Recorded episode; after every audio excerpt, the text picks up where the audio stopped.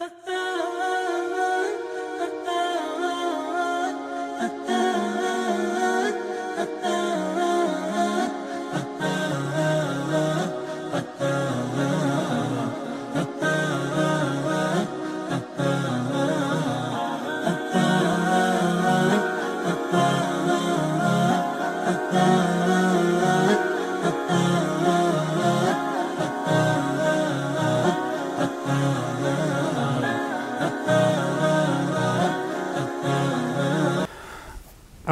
الشيطان الرجيم بسم الله الرحمن الرحيم الحمد لله وحده والصلاة والسلام على من لا نبي بعده وبعد Draga braćo i cijene sestre, salamu alaikum wa rahmatullahi wa barakatuh. Nakon zahvale Allahu subhanahu wa ta'ala i salavata na Rasula sallallahu alaihi wa sallam, mi ćemo početi sa ovom našom temom koja nosi naslov ili naziv Allahova roba je skupa, Allahova roba je džennet, dakle na temelju hadisa, poslanik sam se koji ćemo pomenuti u, u, u našem predavanju. Dakle, sam naziv teme e, jel da je upućuje na e, jednu osobinu, jedno svojstvo koje će, e, o kojem će biti dominantno govora večeras, inša Allah, a to je, braćo i sestre, e, ustrajnost na putu, na putu istine, odnosno ustrajnost do ovog cilja, do cilja a, a, koji je a, zagarantovana ko Bog da istinskim vjernicama i vjernicama, to je, to je Allahova nagrada i džennet.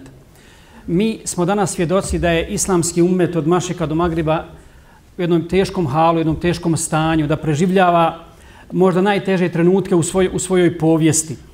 A međutim, braćo i sestre, šta mi imamo od same konstatacije uh, Eh, i činjenici je da muslimani diljem, da muslimani diljem svijeta ubijaju, protjeruju, pljačkaju, otimaju im njihove, njihove zemlje, pustoše gradove, atakuju na, na čast eh, žene muslimanke i tako dalje.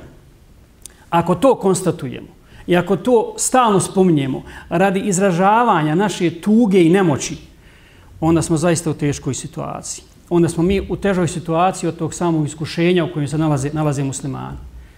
Međutim, ako iz toga želimo izvući pouku, ako želimo preispitati nas same, naš odnos jedni prema drugima, prije svega odnos prema Allahu Đelešanohu, upozoriti jedni drugi da nas nipošto ne smije savladati očaj i da se moramo osloboditi duhovnog poraza i zapaliti baklju istinskog, a ne lažnog optimizma i nade i krenuti naprijed uz Allahu promuć, onda je to svakako pozitivna stvar. Jer, braćo i sestre, trebamo, trebamo imati na umu stalno jednu činjenicu. Šeitan ne, pres, ne prestaje, posebno u vremenima kriza, da ubacuje sumnje i da ubacuje očaj u srca muslimana i muslimanki. Posebno u srca omladine, koja tek stasaju, koja se vratila vjeri, koja, uh, koja Allah Đelešanu uputio. Šeitanu se to ne sviđa. On to ne voli. Ne voli vidjeti mladiće i djevojke koji idu u džamiju ne voli vidjeti mladiće i djevojke koji ustraja, ustraja, ustrajavaju na istini. E, dakle, to što mi živimo u teškim vremenima, to je kader, to je odredba Allahova i to je iskušenje od Allaha Đelešanu da se vidi ko će od nas položiti ispit, a ko neće položiti, ko neće položiti ispit. Jedno je istina, braćo i sestre, očajnici i pesimisti ne mogu ići naprijed. Ne mogu ići naprijed, ni, niti mogu napredovati, dakle, ni na pojedinačnom planu, ni na pojedinačnom planu, niti na kolektivnom planu. Jer takvi se predaju i gube prije, prije same bitke. Zato, dakle, zbog stalnih pritisaka i svješnjavanja prostora onima koji rade na promicanju uzvišenih, uzvišenih islamskih vrijednosti, neki muslimani i muslimanke bi željeli da vočka, a znamo na koju se vočku misli, da svoj plod prije vremena. Da ti plodovi sazriju, sazriju, sazriju prije vremena.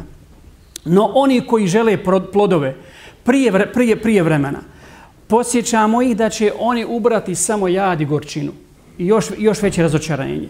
A možda će umrijeti u tuzi i svojoj, i svojoj frustraciji, a neće dočekati, neće dočekati ono, ono, ono, ono što žele. Jedan zanimljiv detalj, braćo i sestre, iz, iz priče o Jusufu, alaih Zamislimo da je zatvorski drug koji je bio sa Jusufom i u zatvoru, a koji je sanio onaj san da poslužuje, da poslužuje jel, na, na, na, na vladarevom dvoru, pa je bio pušten.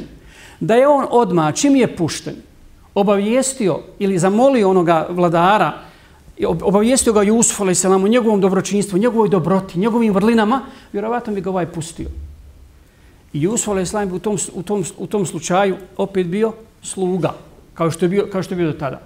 Međutim, on je zakasnio, pod navodnicima, je, zakasnio nekoliko godina da obavijesti, da obavijesti tog, tog, tog vladara, da bi Jusuf a.s. izašao iz zatvora i postao ministar financija i postao najugledniji čovjek u Egiptu i širi. Dakle, mnogima se od nas dešavaju takva iskušenja. Poput Jusuf, i mi želimo, želimo da, da, se, da se riješimo ti iskušenja. Međutim, Jusuf a.s. se naučio jednom velikom pravilu. Allah Đelešanu kaže, govorići o Jusufu a.s. stavljajući u usta njemu te, njemu te riječi.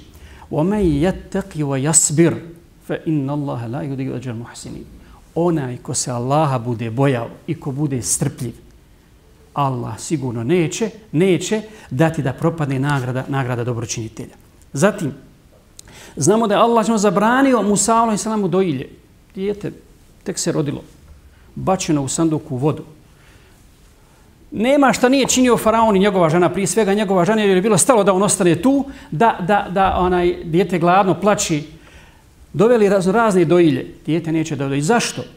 Da bi mu i, da bi mu i te dojilje zamijenio Allahšnom boljom, odnosno njegovom, njegovom majkom, da bi se vratio majici.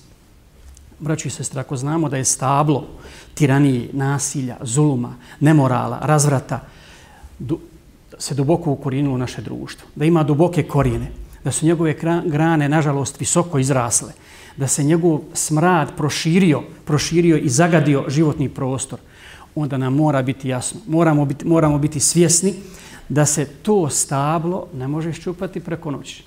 Ne može, ne može se iščupati jednim, jednim potezom. I samo Allah zna koji će to udarac biti presudan, presudan da se, da se, da, da, da se to stablo iščupa. Još nešto, na Dunjaluku ne postoji tmina, e, na, na, na Dunjaluku ne postoji samo tmina bez, bez, bez svjetla. Allah Đelešanu i svoje neizmjene milosti prema ljudima htio je da je posle noćne tmine dođe, dođe svjetlo dana. To podvrđuju mnogi kuranski ajeti. To, je, to važi kad, kad su u pitanju dešava, dešavanja u kosmosu, u prirodi, ali isto tako važi, važi za ljudski život. Kaže uzvišeni, upozoravajući vjernike da razmišljaju o, o, o, o, o riječima. Kul araeitum in ja'ad Allahu alejkumu lejle sarmadan ila jevmil qiyamah reci, kažite vi meni ako bi vam Allah dao da vam noć potraji do sudnjeg dana. Pogledajte, Allah, Allah, Allahovi riječi koje posjeću na razmišljanje. Allah, mogu, Allah može dati da noć potraji do, do, do, do, do sudnjega dana. Men ilahun gajrullah je etum bidijajn, efala tasmaun. Koji Bog, drugi bi vam mogao, da, mogao dati dan, odnosno da prestane, da, da, da prestane noć. Zašto? Zašto ne čujete Allahu, Allahu poruku? Zatim, kad je riječ o životu ljudskom, u uređenju ljudskog, ljudskog života, o tmini i svjetlu, Allah kaže Allahu aliju ladina amanu juhriđuhum mine zulumati ila nur. Allah je zaštitnik i prijatelj vjernika i vjernica. On ih izvodi iz tmina, iz tmina, iz tmina svjetla. Dakle, mi nekad u, u, u uslovima iskušenja, u teškim i nepodnošljivim uslovima, dakle, e, zbog naše uske predođbe, smatramo da je gotova stvar da nema uspjeha, da nećemo uspjeti u, u, da, da se osloboditi osloboditi tiranije, da se nećemo da nećemo dočekat dan i pobjedu islam, nećemo dočekat zoru u našem životu i svjetlo, svje, kada ćemo gledati da, da, da svjetlo islama obasja, obasja zemaljsku kuglu i da dođe Allahova pomoć pobjeda. Odnosno da muslimani izuđu iz kriza u kojem se nalazi. Međutim, onda iznenada, iznenada dođe, vidimo da se otvore vrata spasa, sreće i, i, i uspjeha. Ali ne našim sebebom, Pa onda vjernici i vjernice saznaju i shvati, shvati da je to Allahova, Allahova direktna, direkt, direktna intervencija. Kaže uzvišeni emmen yujibul mutarra ida da'ahu wa yakshifu su wa yaj'alukum khulaf wa yaj'alukum khulafa al-ard a ilahum Allah qalilan ma tadhakkarun. Onaj koji se nevoljniku kad mu se obrati odaziva i koji zlo otklanja i koji vas na zemlji namjesnicima postavlja zar pored Allaha postoji drugi bog? Kako nikako pouku vi da primite? Stoga, braći i sestre, na nama je da radimo i ustrojimo na pravom putu, da iskoristimo sve resurse koje mi Allah dao na raspolaganje, koje mi Allah podario, kako bi sebi olakšali život i onima, onima koji, žive, koji, koji žive pored nas. I kako bi taj ambijent životni učinili što boljim i što sigurnijim mjestom za veličanje i obožavanje Allaha Đelešanu, kako ćemo biti s nama zadovoljni. Uh, mi ćemo večera zbog toga spomenuti nekoliko stvari koji su preduslov da se iziđe iz stanja, iz stanja očaja. To je vrlo, vrlo, vrlo važna stvar, iz stanja pesimizma, stagnacije, da se hrabro i odlučno, dakle, izađe i kroči na poprište gdje se vode odlučujuće bitke za promjenu, gdje se stiče ponos i dobija nagrada. I Dunjalučka i ona Hireska koja, koja je spomenuta u našem naslovu. Prva stvar, braćo i sestre, koju moramo učiniti jeste spoznaja i o tome stalno razmišljati i, i nemoguće da vjernik i vjernica koji, ako smo iskreni prema Allahu, da o tome stvarno razmišljamo, spoznaja pogubnosti naših grijeha i pogrešaka koji, koji, koji činimo. Prije svega prema Allahu, a zatim jednim prema drugima i koji nas udaljavaju, udaljavaju od Allahove upute, od suneta poslanika sa veselem. Zatim eh, od, neiskren, od neiskrenosti u vjerovanju, lošeg ahlaka, loših odnosa jednih, jednih, jednih prema drugima, sektaštva, međusobnih podijela kod muslima. Sve su to stvari koje su prisutne, prisutne kao, kao, kao, kao veliki grijesi. Narcisoidnosti, oholosti, sebičnosti i, ta, i, i, tako, i tako dalje. Eh, dokaz koliko grijesi su pogubni za nas. Kaže u suri Ali Imran 152. ajet, a odu billahi minashaitanir rajim. Wa laqad sadaqakumullahu wa'dahu id tahussunahum bi idnihi hatta idha fashiltum wa tanaza'tum fil amri wa wa'asaytum min ba'di ma arakum ma tuhibbun minkum man yuridu ad-dunya wa minkum man yuridu al-akhirah. Allah je ispunio obećanje svoje kada ste neprijatelje voljom njegovom nemilice ubijali. Ali kada ste se ali kada ste duhom klonuli i o svom položaju, položaju se počeli raspravljati. Kada niste, dakle, poslušali poslanika sa selem, a on vam je već ukazao na ono što vam je drago, Allah vam je već nagovijestio pobjedu. Radi se, dakle, o bici, bici, bici na uhudu.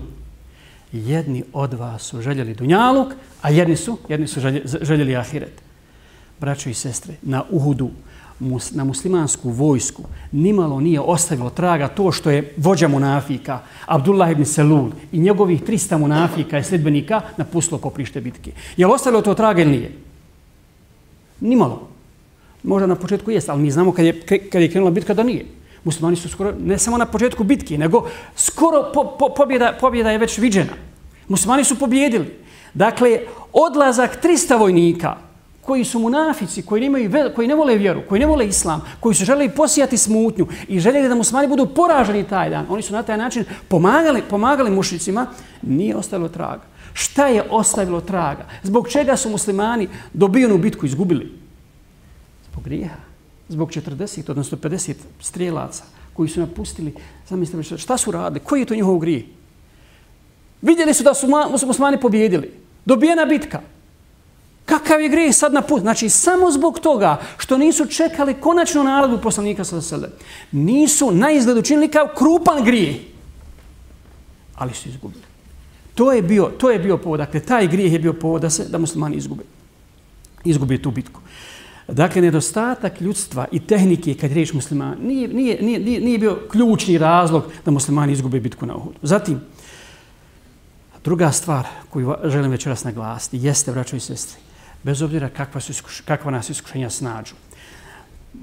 Poniznost pred Allahom Đelešanu nakon poraza, nakon počinjenog grijeha pa se učini teuba, nakon teških iskušenja je važna stvar, važna stvar.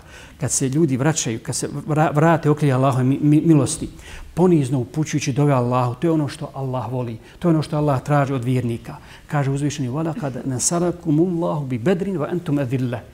Allah vas je pomogao na bedru, a vi ste bili šta? Eville, malobrojni, poniženi, proganjani. Malo vas je bilo, ali ste pobjedili. Zašto? Iskrenost, braći i sestre. Srce, Allah gleda srce. Allah ne gleda naše izglede. Allah ne gleda naš vanjski izgled. Gleda srce ljudsko. وَعَلِمَ مَا ma fi kulubihi wa قَرِيبًا qariba. Kaže u suri Al-Fethija. Allah je znao šta je u njihovim srcima i nagradio je, nagradio je pobjedu. Dakle, sama Hudejbija, neki islamski kažu, ona je bila pobjeda. Jer uslovi koji su postavili, postavili, postavili mušici, svi su išli na ruku, na ruku poslaniku sallallahu alejhi ve. Priznali su poslanika sallallahu priznali su njegovu državu, priznali su njegovu, njegovu, njegovu vlast u Medini i tako dalje. Dakle, sa njim potpisuju ugovore. A kamoli oslobađanje Mekije koje je uslijedilo nakon toga? Allah je vidio što je u njihovim srcima.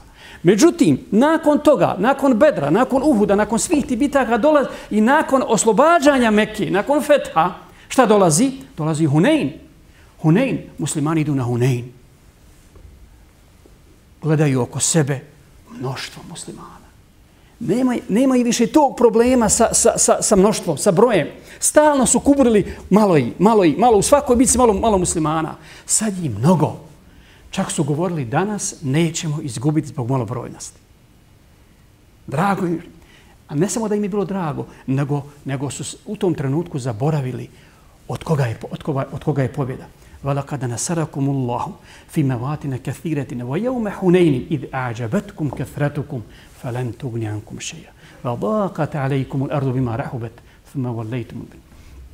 Kažu uzvišnji, Allah vas je na mnogim bojištima pomogao i onoga dana na Huneinu kada vas je mnoštvo vaše zanijelo. Danas nas je mnogo. Danas, danas nas je mnogo. Ali vam ono ni od kakve koristi nije bilo, kaže Allah. Ništa vam ono nije koristilo. Svi su napustili, osim nekoliko ashaba, poslanika sa veselem. Zamislite, muslimani, vjernici, pobjegli, ostali poslanika sa veselem na milost, na milost mu, mu, mušicima. Zato što je ponijelo to, ponijelo i to. I zemlja vam je postala tjesna, čitava zemlja. Wallahi, kad je čovjek nepokoran Allahu, kad, je nepok kad se Allah istinski ne boji, onda, je, onda prije svega postane ovdje tijesno, jel da? Tijesno je u grudima, a kad je u grudima tijesno, onda ti je sva zemlja tijesna.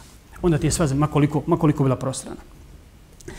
U vrijeme Abdurrahmana Nasira, kaj je mevijskog vladara u Endelusu, čitali ste u Endelusu, jel da je zavadala, kaj je suša, kiša nije dugo padala, pa je halifa poslao jednog svog čovjeka da, da kod kadije, tadašnji kadije Endelusu bio je Muzir ibn Sa'id, poznati učenjak i pobožnjak, pita što si došao, kaže došao sam poslome halifa da, da, da nam predvodiš namaz i da učiš do, do, dovu za kišu. Kaže mu ovaj kadija, jeli, mi ćemo učiti dovu za kišu, mi ćemo klanjati, a halifa nek sedi u svom dvorcu i nek, nek, nek, nek posmatra. Zašto ne bi izišao? Kaže moja mladička je tako mi Allaha, nikada halifu nismo vidjeli tako uplašenog i tako poniznog. Obukao je kaj vunenu, od, vunenu odjeću, uzeo je zemlje i prašine, posuo po svojoj glavi, plaće stalno nad svojim grijesima i moli Allaha za oprost. Tada, tada mu Kadija ovaj kaže, mladiću, idi, vrati se i reci ljudima da će kiša brzo pasti. Da će Allah dat brzo kišu. Jer kaže, kada se Allaha poboje silnici na zemlji, onda svoju milost spusti na njih silni gospodar nebesa i zemlji. Dakle, e, ta poniznost pred gospodarom svjetova je vrlo važna stvar koju uvijek moramo imati na umu. Treći je, braćo i sestre, moramo uvijek znati da zulum i zulumčari moraju biti poraženi. U levhi mahfuzu, braćo i sestre, u levhi mahfuzu je zapisan poraz i poniženje zulumčarima, a pobjeda islamu muslimani. I to nije nikakva fraza, to nije nikakva poštapalica, ali moramo imati na umu Jahja al-Bermeki, vezir Harunu er-Rashida. Čuli ste vjerovatno za, za ovog čovjeka i za njegovu porodicu. Poznata porodica Bermekija. Oni su izradili Bagdad. Oni su od Bagdada napravili, napravili čarobni grad, kako su ga zvali. Na kraju je skrivio halifi Harunu Rašidu, pa ga je on zatvorio i njega i njegovog sina bacio u tamnicu. I tako poniženi sjede oni u tamnici i kaže njemu njegov sin, je babo, nakon što smo imali vlast, nakon što smo naređivali i zabranjivali, nakon silnog ugleda i bogatstva, vidi kako smo poniženi, šta smo doživjeli. Zbog čega je to? Zbog čega ovakvo stanje? A otac mu odgovara, sine, ovo je posljedica dove i mazluma u tmini noći, na koju smo mi zaboravili, ali Allah nije zaboravio. Allah je nije zaboravio. Činili smo zulum ljudima, pa smo zbog toga, pa zbog, zbog toga poniženi. Musa, alaih selam, moli Allaha, وقال موسى ربنا إنك آتيت فرعون وملاه زينة وأموالا في الحياة الدنيا ربنا ليدل عن سبيلك Musa reče, gospodaru naš, ti si dao faraonu i glaveštima njegovom ogromno bogatstvo i vlast i raskoš, da bi šta? Da bi odvodili s tvoga puta. Gospodaru naš, uništi bogatstvo njihovo i zapečati njihova, njihova srca, pa da ne vjeruju dok, dok ne dožive patnju nesnosnu. I odmah mu Allah objavljuje, Istog trenutka kad on upućuje dovu, kaže Allah, kale, kad uđive davetukum. Vaša dova je primljena. Vaša dova je uslišana, ali šta posto toga slijedi, kaže im Allah, njemu i Harunu, festaqima, ustrajte na istini, wala tattabi'anni sabila alladine la ja'lamun. I ne slijedite put neznalica. Ustra, ustrajte na istini. Prenosi se od Ebu Džafara, al-Muhammad ibn Alija, i od Dahaka također, da su riječi uzvišenog, kad uđibe davetokuma, uslišana je vaša dova. Da između dove i uslišavanja prošlo koliko godina? 40 godina. Allah odmah, Allah odmah kaže Musa u islamu, uslišana je vaša dova. Ali se nije desilo odmah to što su oni tražili. Između dove koji su uputili i uslišavanja prošlo je 40 godina. Šta je tajna odgađanja? To je ono, Allahov sunnet se ne mijenja. Allahu, ono što je određeno desit će se sigurno, ali vjernici i vjernice moraju proći kroz određene etape i iskušenja da pokažu svoju čvrstinu. Mora se desiti ovo festakima. Feste, ustrajte. Ustrajte na istini. Allah će uslišati vašu, do, vašu dovu sigurno. Abdumelik ibn Umeir, uh, kako prenosi Sufjan Esevri velika je, vidio sam glavu Huseina radijallahu anhu ispred ibn Zijada. Znate koji je bio Ubejdullah ibn Zijad, namjesnik Iraka, vreme jezida ibn Muavije, koji je, koji je, koji je ubio Huseina radijallahu ta'ala. Vidio sam njegovu, zatim sam vidio glavu Ibn Zijada ispred Muhtara. A Muhtar Ibn Ubejd je bio čovjek koji je udario temelje alevitske, alevitske države u Iraku. I nakon njega, jer on se bio digao boru proti, proti, da osvijeti Huseinovu krv, pa je posle, posle, posle njega se, on je bio u stvari utemeljitelj šizma, šizma onaj, u, u, u Iraku. Pa sam vidio kada je nakon toga Vidio sam Muhtarovu glavu ispred, ispred, Abdulmel, ispred Abdulmelika Admira, dakle halifa Abdulmelika. Sufjan je upitao koliko je prošlo između Huseinovog ubistva i zadnjeg ubistva, odnosno Muhtarovog, od 12 godina. 12 godina. Dakle, zulumčare čeka sigurno poniženje i loš kraj na Dunjaluku i čeka i kazan na Ahiretu. Još jedna stvar, braćo i sestre, vrlo važna za večerašnje predavanje. Kada se dese krize i musibeti i nesreće, mi uglavnom krivimo drugi ili političare, vladare, ove ili one. Malo ko od nas krivi samog sebe. Malo ko od nas smatra da je on možda krivac zašto su muslimani, evo na primjer mi bošnjaci, zašto smo mi u nevolji, zašto nikako da iziđemo iz ovih kriza. Ne pitamo se, a iskreni islamski učenjaci, iskreni vjernici su, poput, poput Sufjana Serija koje smo spomenuli, poput Ahmedina Ambela i drugi, kada na refatu učili dove, na refatu uči dovi ovih kaže gospodar moj, ja znam da bi to ljudima oprostio da mene nije ovdje. Da ja nisam među njima. Dakle, ja sam problem. Ja sam problem. Ja sam najveći griješnik među njima. A Ibn Kajim al-đevzi govori, govori za svoje vrijeme. Pazite. Ibn kaže, Allahova mudrost odbija da nam vladari budu poput Muavije, Ibn Abi Sufjana i Omera Ibn Abdulaziza, a kamoli poput Ebu Bekra i Omera radijallahu ta'ala jer naši vladari su u skladu na, s našim vrijednostima, kao što su vladari prvi generacije bili u skladu sa njihovim, njihovim kvalitetima. Zapamte u rečenicu, kažem ono kao, kao, kao da se naša dijela pokazuju u liku naših vladara. Kao da se naša dijela pokazuju u liku naših vladara, a Allah nikome zulum ne čini, završava Ibn Kajim al Dakle, krivi političari, a mi da smo na njihovom mjestu, mi bi možda bili još veći, još veći zulumčari. Dakle, mi sami sebe stalno moramo preispitivati i vidjeti koliko smo mi krivci, krivci za stanje koje, koje, ko, u, kojim, u kojim žive muslimani. Zatim, braćo i sestre, ne smijemo nikad zaboraviti. Četvrta ili peta stvar, jel, po redu koju želim spomenuti. Bez iskušenja, bez velikih žena, nema gazija, nema istinskih vođa, nema, nema kaljenja i izgradnje istinske muslimanske ličnosti, oslobađanja strahova od kukavičluka i nema istinskog islamskog odgoja. Nema bez toga. Bez iskušenja nema. Na lovorikama dunjalučkim ko se odgaja, on je i kukavica i daleko od Allaha, dale, njemu, njemu, njemu i naumi samo, dunja, samo, samo dunjaluk. Bez iskušenja, kao što se zlato, kao što se zlato oslobađa one patine, oni, oni suvišni stvari na vatri, tako se vjernici, vjernice svoju ličnost izgrađuju kale kroz, kroz ta iskušenja. Ja, ja sam ovdje izabrao nekoliko ajeta koji govore Musa alaih salam. Kako je Allah odgajao Musa alaih salam, braćo i sestri? Zbog, e, zbog, upravo zbog ovoga što, što, što govorimo. Prvi put kad Allah Đelešanu se otkriva Musa alaih salam i naređuje da baci svoj štab koji je postao zmija. Musa alaih se prepao. Jel se prepao ili nije? Jeste, prepao se. Allah mu kaže Hudha wa la tahaf se nu'iduha sirata hula. Uzmi je i ne boj se. Mi ćemo je ponovo vratiti u prvobitni oblik. Ponovo će postati šta? Šta to znači? Dakle, moraš, brate i sestro, biti siguran u Allaha. Kada ti Allah naredi da uzmeš zmiju za glavu, uzmi je bez ikakvog straha. Bez imalo straha. Allah, to je istinska vjera. To je istinska vjera. Ali to se ne posježe preko noći. Odgaja se. Islam odgaja ljude. Odgaja ljudsko srce. Da dođe na takav stepen da se samo Allaha boji. A kad je uzmiješ za glavu, vidjet ćeš da će ona postati štap. Jer se posle toga Musa sam opet, opet pre... Kako da nije? Jeste. O, drugi put, drugi, pri, drugi prizor. Drugi prizor, kad su doveli sihribaze, jel? Faraon hoće da riješi i završi s Musa i Selamu. I kad su sihribazi napravili takav sihr, čarovnjaci, napravili takvu čaroliju, da su ljudi ugledali pred sobom, a i Musa i Selam također, brdo zmija, brdo zmija. Musa i Selam se prepao. Prepao se, Allah mu kaže, kulna la tahaf innaka neke entel a'ala ne boj se, ti ćeš pobjediti. Ti ćeš sigurno pobjediti. I onda dolazi treći ispit, treće iskušenje. Veći od ovih prethodnih braća i sestre. Veći faraon, milionsku vojsku poveo protiv Musa alaih salama, koji je poveo Beno, iz, Beno Izraelčane da, da ispasi faraonove torture i faraonovu zulumu. I da ispasi ropstvo. Kada su došli do mora, od na, u jednom trenutku su ugledali prašinu koja se diže ispod milionske vojske njihove, njihove, njihove, njihove konjice. Beno Izraelčani.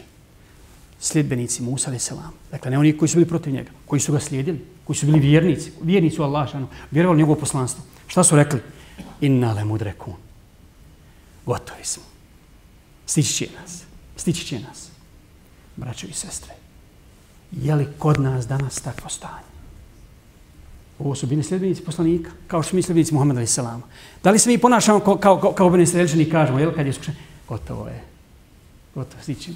Tada Musa i Salam kaže, Kella, inna ma'i rabbi se jehdi. Ne, ne ima šanse. Neće nas stići. A skoro i stigli. Skoro i stigli. Oni su tu. Oni njih vide. Oni njih vide. A more pred njima. Nije obična rijeka. Nije potok. More. Sa mnom je moj gospodar. I on će mi dati, on će mi dati izlaz. Dakle, to je islamski odgoj. I na tim temeljima, i na tim principima trebamo se i tako trebamo razmišljati. Zato nema mjesta očaju u našim životima, ni predavanja, niti, niti odustajanja. Kaže Abdullah Mesaud, braćo i sestre, najveći grijesi su koji? Tri grijeha je spomenuo. Širk, sigurnost od Allahove kazne i gubljenje nade u Allahu milost. U Allahu prost. Tako su sahabi razumijevali vjeru. Šta je onda naš zadatak?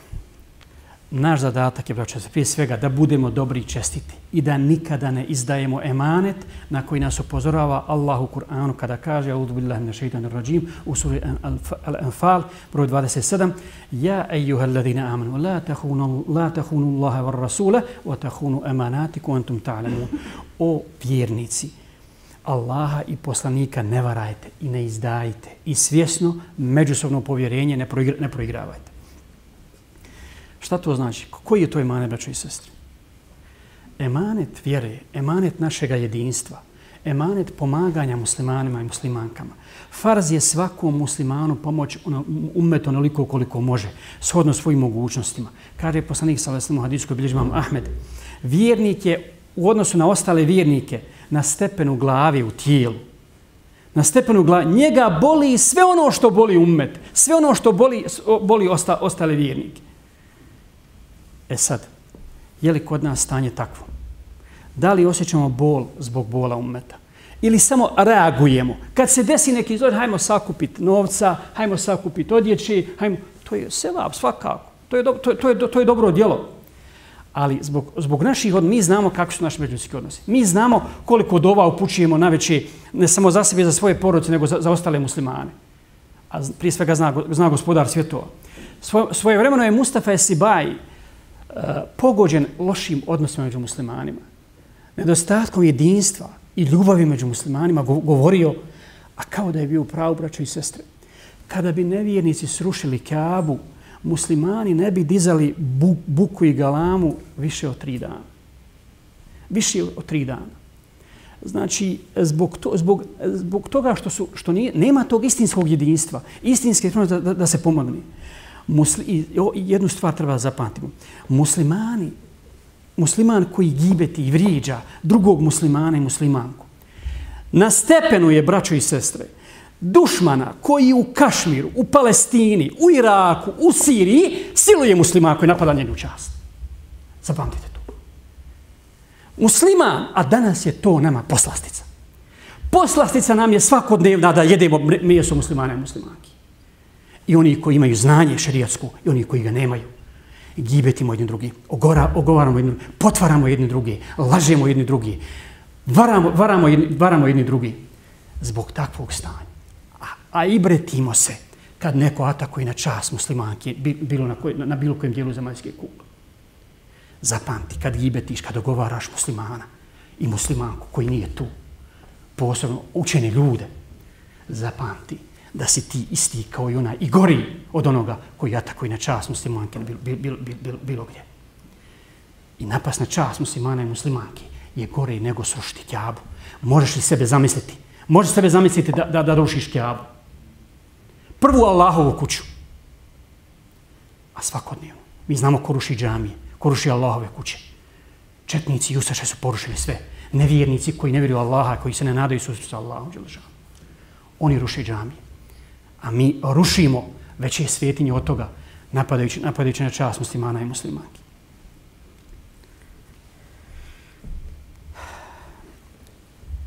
Zatim, braćo i sestre, e, trebamo vidjeti šta su naše težnje, naša nadanja. Gorku stvarnost nećemo promijeniti samo našim velikim riječima, samo vazom, samo jezikom, već dijelima i riječu. I mora postojati ustrajnost u dobru i dobročinstvu i stalnom popravljanju stanja, prije svega svoje vlastite porodice, vlastog, svog vlastog stanja i svoje porodice. Ma kakva iskušanja bila. Ma ka, to, je, to, to, je, to je iskustvo svih generacija. Na kraju krajeva to je zahtjev islama, braću i sestri odgojite svoje porodice, odgojite svoju djecu. Odgojimo u stvari naše porodice, našu djecu. Ako nam je stanje u kućama u redu, Wallahi, da te tamo ne znam kakvo iskušenje pogodi, da te ne znam ko naljuti, da te ne znam ko isprovocira, ako se vraćaš kući gdje te čeka hajrli čestita pobožna tvoja žena i tvoja djeca, a nasmijan si otišao iz kuće, ostavio se dobro stanje, nema, pa padaju, pada, pada to vreme s tvojih tvoj leđa. Ali ako nezadovoljan, odlazi iz kući, kada bi jedan, za jedan dan zaradio, ne znam koliko, kada bi ostvario, ne znam kakav ugled i ne znam šta od unjaluka, Allah, tjeskoba, tjeskoba, nisi ti sretan i zadovoljan. Zato, ako odgojiš porodicu, svoje kćeri, svoje sinove, kako treba, dvije kćeri, tri kćeri, čem ne tako bude zagarantovano? Nisi ti zadužen da ti što bi rekli naši stari poturčić sa udunjalog. Ti radi koliko možeš, ali prije svega, ne samo riječu, nego prije svega dijelom svojim pokazuj. Šta je rekao Hasan Basri, braćo i sestre? Mu'min i mu'minka. Šta je to mu'min i šta je, šta je mu'minka? Tako mi Allaha, kaže Hasan Basri. Nije mu'min onaj ko radi jedan mjesec ili dva, godinu ili dvije. Allah vjerniku i vjernici nije dao drugi eđel i drugi rok osim smrti. Nema odustajanja. Radit ću dan, radit ću dva mjeseca, radit ću dvije godine, radit ću pet godina i dostaje. Nema roka osim smrti. Umaranje, rad i trud. Kaplice, kiše neće udubiti kamen osim ako konstantno padaju. Konstantno ako padaju na kamen. Tako i srce ljudsko. Neće se očistiti ako ne budemo konstantno radili na njemu i ako ne budemo konstantno bili, bili, bili, bili dobročinitelji. Braćo i sestre, sin Nuha ale i Selama, odlučio je da se ne mijenja. A žena faraonova je odlučila da se, da se, promijeni, da se promijeni. Prvi insan, sin Nuhu, je odrastao i odgajan kod najvećeg daje u povijesti ljudskog roda. Daje sa najvećim stažom. 950 godina, samo pozivu. Samo po se. A druga osoba je živjela pod krovom s najvećim zulumča, zulumčarem u povijesti ljudskog roda. Dakle, ma kakva situacija bila, ma kakvo stanje bilo, ako se odlučiš na promjenu, Allah će ti pomoći. Ako ti neće, ako ti nešto smijenjaš, nek si ti poslanikov sin, vidi, nuh, ali se nema, nema, nema od toga ništa. Dakle, mi znamo da se u Kur'anu spominje emanet koji smo malo prije spominjali, koji su odbili nebesa i zemlja i brda, a prihvatio ga čovjek. Pogledajte kako šeho Lislam i Tejmije definiše taj emanet. Kaže, nemoj misliti, brate i sestro, da, je taj, da taj emanet znači da se abdestiš sa malo vode. Da si spretan da se abdestiš sa, da, sa, sa malo vode i klanjaš dva rekata. Emanet je da istinski prihvatiš vjeru. Da je ti prihvatiš istinski. Kod nas danas ove stvari nekako poborkane. Da je ti prihvat, da je istinski živiš vjeru da živiš vjeru i da je onda drugima, da je onda drugima prenosiš. Ovo je vrlo. Dakle, to je jedna strana medalje. Čuvajmo naše jedinstvo. Čuvajmo čas muslimana. Nemojmo griješiti. Ali druga strana medalje, ne smijemo, ni, da, da bi se sačuvali tog očaja, da bi ispravno posmatrali stvar, imali, imali ispravno odnos prema životu, nemoj nikad, brate i sestro, reći, ma kakav griješnik bio, nemoj nikad kazati, zar očekujete od utopljenika da vas spasi. I ovo je vrlo opasna zamka šeitanova. Mladići i djevojke, danas džahilijet, činili određene grijehe, radili ovo, radili ono, pa onda čovjek se razočara kaj nema, za mene nema nade. To je veliki grijeh. Pomisliti i posumnjati u Allahu milost. Daleko veći grijeh od svih grijeha koji si počinio. Daleko veći grijeh od svih grijeha koji si počinio u životu. Neka tvoj odnos prema životu, odnosno naš odnos prema islamu i prema životu, bude kakav je bio odnos Ebu Mihđana Esekafija, koji je, radi Allah, poznatog sahaba, koji je u džahilijetu pio mnogo alkohol. Jel znamo za ovu priču? Mnogo je, mnogo je pio alkohol. Pa je i kao musliman nije mogao odoliti tom iskušenju. Bićevao ga je poslanik sa sebe. Bićevao ga je Ebu Bekr zbog, zbog alkohola. Došla je bitka na Kadisiji, Abu Mihđen bio poznati borac, poznati veliki muđahed, junak, hrabar, sposoban. Na Kadisiji, Kadisija je bila jedna od presudnih bitaka u osvajanju Perzije, odnosno, odnosno, odnosno Iraka. On je također u toj vojsi Sad ibn Vakasa. Sad ibn Vakasa je bio emir, emir glavni, glavni komandant. Međutim, Sad ibn Vakasa pregovara sa Perzijancima ta, to pregovaranje, strategija, gdje će, gdje će se vojske naći, hoće li, hoće li se sukobiti, neće li, tako da je tri, nekoliko dana oduljilo se tu. Međutim, Ebu Mihđen u toj pauzi nađe tamo negdje brljine kakve našo ona, i opet se napio. Opet se napio. Sad, do, doveli su ga pre sad, neka sam je bio potpuno pijan. I on ga je okovao, sve, sve, sve, okovao ga okove, svezao ga, u svoju, u svoju, to je bila njegovo komandno mjesto gdje on, gdje on bio privremeno tu sa svojom vojskom. I onda on je osjetio drugi dan, vojska se postrojava pred, pred bitku. I on plaće. Sada ne pripremam kompletnu, kompletnu priču, kompletnu priču. Plaće i doziva Selmu, Saadovu ženu. I ona je došla pred vrate, kaže šta je, šta hoćeš ti? Kaže, tako ti Allah oslobodi. Pusti me. Kaj, ne mogu ja, ne smijem kad te sad, on, onda, će, onda, će, onda će mene okriviti.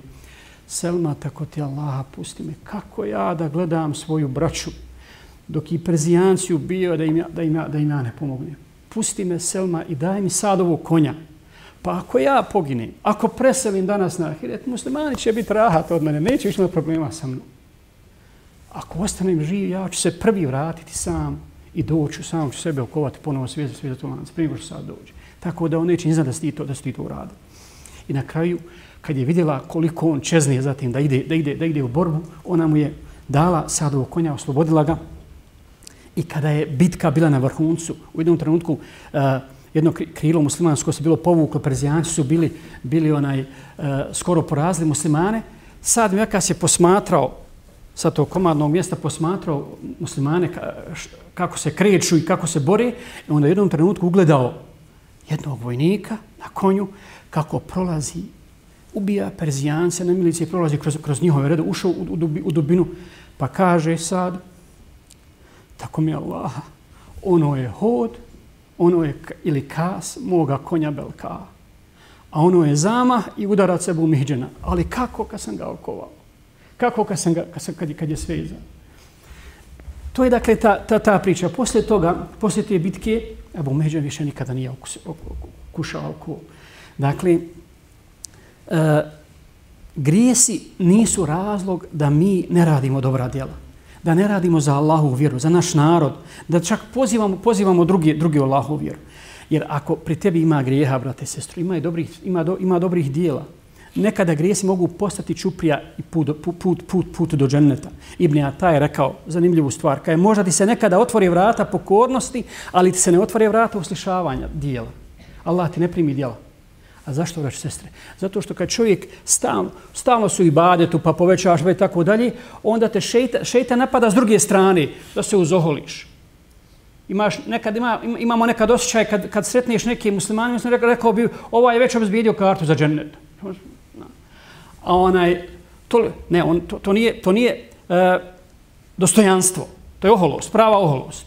Zašto? A kad čovjek počne grije, iskreni vjernik, vjernica, bilo kakav grije, onda osjeća, osjeća, osjeća te gobu, osjeća te skobu, poni, ponizno se obraća svojom gospodaru. I Allah Đelešanuhu, Allah Đelešanuhu. A možda kad počniš neki grijeh, pa on bude razlog, te nakon istinske teube budu primljena, primljena djela. Dakle, zato, braće, se ne dozvolite da vas, da šeitan iskoristi i ubere plodove, plodove va, na, naših grijeha. Da, da nas zbog, zbog grijeha savlada očaj jednog trenutka. Govoreći o, o, o ovoj stvari, Kajmil Džavzi kaže također, na osnovu braće i sestre vlastnog iskustva. Islamski učenjaci, mi jedan brat kaže, e, čitajući Ibn Kajmil Džavzija i njegov, nje, e, Ibn Tejmiju i tako dalje, mama Gazaliju, kaže, kako su onako e, ušli u srž problem, pa na osnovu, i tako opisali kako se griješnik osjeća, kako, e, kad, kad, kad poslije grijeha, kako mu je lijepo kad učini teubu i tako dalje. Pa, brate, rekao, dragi, na osnovu svog vlastnog iskustva ljudi pisali. Nisu ni bili bezgriješni ljudi, grijesi. Na osnovu svog, kaže Ibn Kajmil Džauzi, kada Allah hoće čovjeku dobro, omogući mu da učini grijeh koji će ga učiniti poniznim pred uzvišenim gospodarom. Jer inkisar, kako kaže eh, Ibn Džauzi, ta slomljenost, skrhanost i poniznost zbog grijeha je ono što Allah voli i zbog, zbog čega oprašta grijehe. E, rečeno je također ne oklijevaj i ne kolebaj se u pogledu povratka Allahu makoliko grijeha počinio. Jer onaj koji te sakrio dok si bio pod okriljem grijeha, neće te osramotiti pod okriljem taube. Ne zaboravi. Opet ćemo se pozvati na Ibn Kajima koji kaže čovjek Allahu robi onaj koji stalno ide i ne stoji. Ide ili naprijed ili nazad. Ili gore ili, pad, ili pada dolje. Kad već govorimo o, o, o, o, vjer, o vjernicima, odnosno vjerničkoj duši. Dakle, u prirodi ljudskoj, ali u šarijetu, u šarijetu također, braćoj se, nema tapkanja u jednom mjestu kako mi volimo kazati. Ili napreduješ ili nazaduješ. To, to potvrđuju kuranski ajet sura Al-Mudassir. Li men ša'a minkum a yataqaddama aw yata'akhkhar. Oni od vas koji žele da napreduju i koji žele, koji žele da nazad, nazaduju. Pa ako te nek, a, dakle, ili ide, ideš naprijed dobrim djelima prema džennetu, odnosno ideš gore, ili nazaduješ i propadaš, čineći, čineći grijehe, čineći grijehe ideš prema, u drugom pravcu. Dakle, sa, razlika je samo u čemu? Nema stajanja. U brzini kretanja i u pravcu kretanja. U pravcu kretanja. Jedni, mnogi, evo, muslimani idu svi prema džennetu, ali jedni idu sporije, jedni idu brže. Zavisi od, od dobrih dijela, od dijela koje, koja činimo. E, dakle, E, zbog toga trebamo biti uvijek dobročinitelji, raditi, raditi, do, raditi dobra, dobra djela. E, budi, brate i sestre, prvi u ahlaku, u znanju, u poslu, u poslu, tako dalje. Diploma nije sama sebi svrha, naravno, ali znanje koje, znanje koje učiš, to je kapital, to je ono što ti ostavljaš svome, svome narodu, to je ono što ostavljaš muslimanima. Neka si ljekar, neka si graditelj, gra, graditelj, neka si bogataš, trgovac, biznismen koji, ima, koji, koji dijela na lahovom putu, neka si učenjak koji prenosi znanje, dakle, ali budi zaista stručan. Ne zato da te neko hvali, da dobiješ dobro radno mjesto, nego da zaista pomogneš svome nada. Pomogne. I to je način da ti, da, ti, da ti ideš naprijed, odnosno da ide s tobom i umet, umet naprijed. I ne odustaj nikad od svojih težnjih ambicija. Kada se u islamskom ummetu, braćo, nakon Hulefaja Rašidina pojavilo izobilje, kada se pojavila ljubav prema Dunjaluku, prema raskoši, kada je srcima ovladala ljubav prema Dunjaluku, kada se pojavio zulum, kada su ljudi udaljili od, Allah, od, od sunneta poslanika, sallam, pojavio se čovjek planina. Čovjek koji je bio hrabar, iskreni vjernik, sposoban, sposobni kormilar koji je islamsku lađu, islamsku lađu, lađu islamsku da spasio od, od, od, od potopa, a to je Omer ibn Abdulaziz. Kad govori, kako je govorio o svojim ambi, ambicijama, svom poznatom prijatelju Ređa ibn Hajvel, kaj o Ređa, ja, ja sam uvijek u životu imao ambicije visoke ambicije, visoke uzviš, uzvišene težnje. Ja sam imao želju da oženim Fatimu bintu Abdul Melik i uspio sam. Allah mi je to mogućio. Želio sam da budem namjesnik i bio sam namjesnik. Želio sam budem halifa, ne radi hilafata, nego da, da, i Allah mi je dao da, da, da, budem, da budem halifa. Sad imam jednu veliku želju koja je veća i težnju veća od svih ovih spomenutih. Sad želim samo džennet i nadam se ako voda da ću ga dobiti. Da ću ga dobiti za lavu. Jer radi za džennet, radi, ra, radi za džennet. Kada, kada je postao halifa, rekao jednom od svojih ljudi, kaj, bojiš li se ti za mene, strahuješ li za mene, ja sam sad, kako, on zna kako se ponaša čovjek, kako, kako se ponaša čovjek kad je halifa. Kad ima svo bogatstvo, kad ima vlast svojim rukama. Kaže mu ovaj, o vođu pravovjernih, voliš li dirheme? Kaj ne volim, tako mi Allah. Nisu, nisu moji, u mom srcu. Onda mu ovaj veli, ne boj se. Allah će ti pomoći. Allah će ti pomoći. Znači, ako ne voliš taj dunjano, ako nije u tvom srcu kao što je bio u srcima mnogih mnogi vladara, onda će ti Allah pomoći.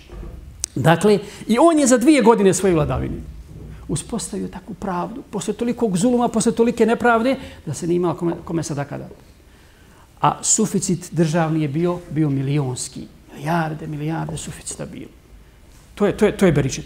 I šesta, zadnja stvar koju ćemo spomenuti, praću sestre večeras, jeste da je osnova svega taufik, odnosno uputa od Allaha. A ona dolazi od Allaha. A ključevi upute su dova, iskreno prema Allahu Đelešanuhu, jer kome su dati ti ključevi, to znači da mu je Allah otvorio, otvorio kapiju svoje milosti. Posebno treba, braćo, sve se iskoristiti zimski period, jer zimske noći, kažu islamski učenjaci, su proljeće vjerničkih duša prenosi se da su muslimani Bagdada žalili se žal, halifi Mutesimu na loše ponašanje Turkmena. Halifa Mutesim je iznemljivao Turkmene da se bore na strane, na strane muslimana.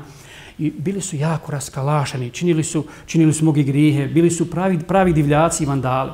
I onda su pobožni muslimani došli halifi Mutesimu i kaje, ili, ili ove udalji iz Bagdada, nemoj da budu tu u gradu, nego napravite neki logor, ili ćemo mi tebe ubiti ubit ćemo te. Kaj, Mutesim se zasmio i kaže, kako ćete vi mene ubiti? Ja u svom vojnom logoru sada u ovom trenutku imam 80.000 naoružanih vojnika. Kaže, zaboravio se na jednu drugu stvar. Mi nemamo vojnika kolik ti. Mi nemamo, na, na, poslovno nemamo naoružanja kolik ti. Ali će tebe ubiti naše noćne strelice. Ubićete naše noćne, kaže Halifa Mutasim, protiv toga se ne mogu boriti iako, iako, iako je halife vladar, on priznaje, protiv toga se ne mogu boriti. I, jer uh, i ne požurujemo dakle, sa uslušavanjem dove i ne gubimo nadu Allahom milost. Kažemo kaj ima džauzi, onaj ko požuruje sa uslušavanjem dove je kao onaj ko je zasadio sadnicu, pa izvjesno vrijeme njegovo zalijevao i tako dalje. Kad je vidio da ne daje odmah plodove kad je on želio, ostavi, ostavi, ostavi je i napusti. Mi smo, braćo i sestre, sklopili trgovinu s kim? Sa Allahom Đelešom. Inna Allah aštara minal mu'mine anfusahum wa amwalahum bi anna lahumul džanna. Allah je kupio od vjernika živote njihove i metke njihove. Trgovina je sklopljena. Nema više, nema više e, e, prekidanja i, i e, tog ugovora i, i, koji, koji smo potpisali i trgovine koji smo sklopili. Ona je kome se isplati da napusti to, da napusti taj ugovor bojru, ako mu se isplati. I zato mi nemamo šta, šta izgubiti. Allah je naš gospodar. Sa njim smo trgovinu, trgovinu sklopili. Allah kaže, Allah je kupio od vjernika životinje i metke u nagradu za džennet. A kaže psan za džennet, kako smo naslovili našu temu, je li tako? Ela inne sil at Allahi galije. Allahova roba je skupa. Ela inne sil at Allahi džennet. Allahova roba džennet. Braćo i sestre, mi smo putnici na Dunjaluku. Pa gledajmo da ostavimo što ljepši trag za sebe. Molim Allah da nas učuti na putu Islama, da nam podari istinsko razumijevanje vjere, da, da učvrsti muslimanski saf, da učinje se istinski volimo im Allah, i pomažemo im Allah, da ubrza pobjedu svoje istine i da nas svoje milošće uvede u džennet. Amin.